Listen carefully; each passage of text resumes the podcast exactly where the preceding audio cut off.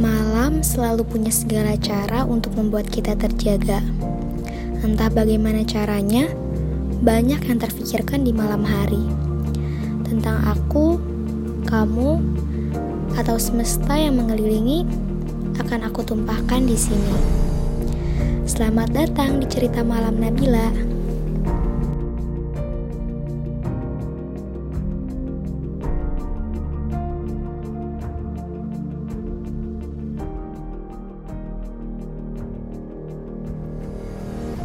Aku sudah pernah merasakan semua kepahitan dalam hidup, dan yang paling pahit ialah berharap kepada manusia. Ali bin Abi Thalib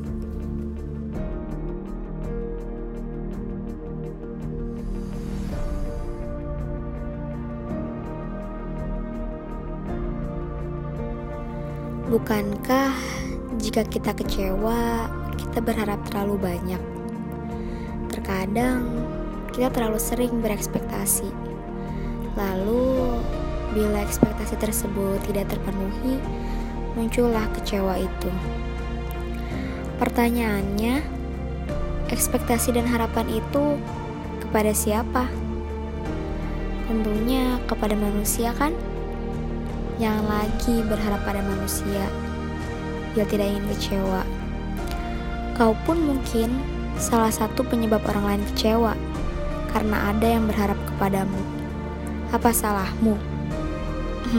Bukan. Salahnya berharap kepadamu. Sebaliknya, bila kau kecewa kepada orang lain, itu baru salahmu. Salahmu yang menaruh harapan. Masih ingin berharap? Berharaplah kepadanya. Dan hanya kepada Tuhan mula hendaknya kamu berharap. Surah Al-Insyirah ayat 8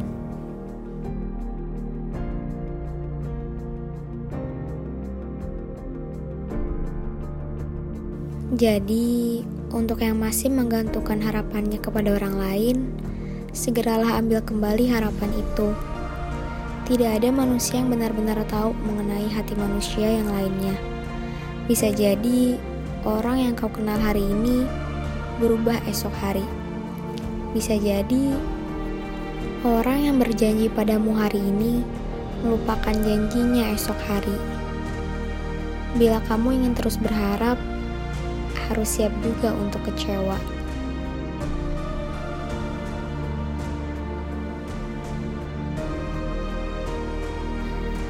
Ketika hatimu terlalu berharap kepada seseorang, maka Allah timpahkan atas kamu pedihnya sebuah pengharapan, supaya kamu mengetahui bahwa Allah sangat mencemburui hati yang berharap selain Dia. Maka Allah menghalangimu dari perkara tersebut agar kamu kembali berharap kepadanya. Imam Syafi'i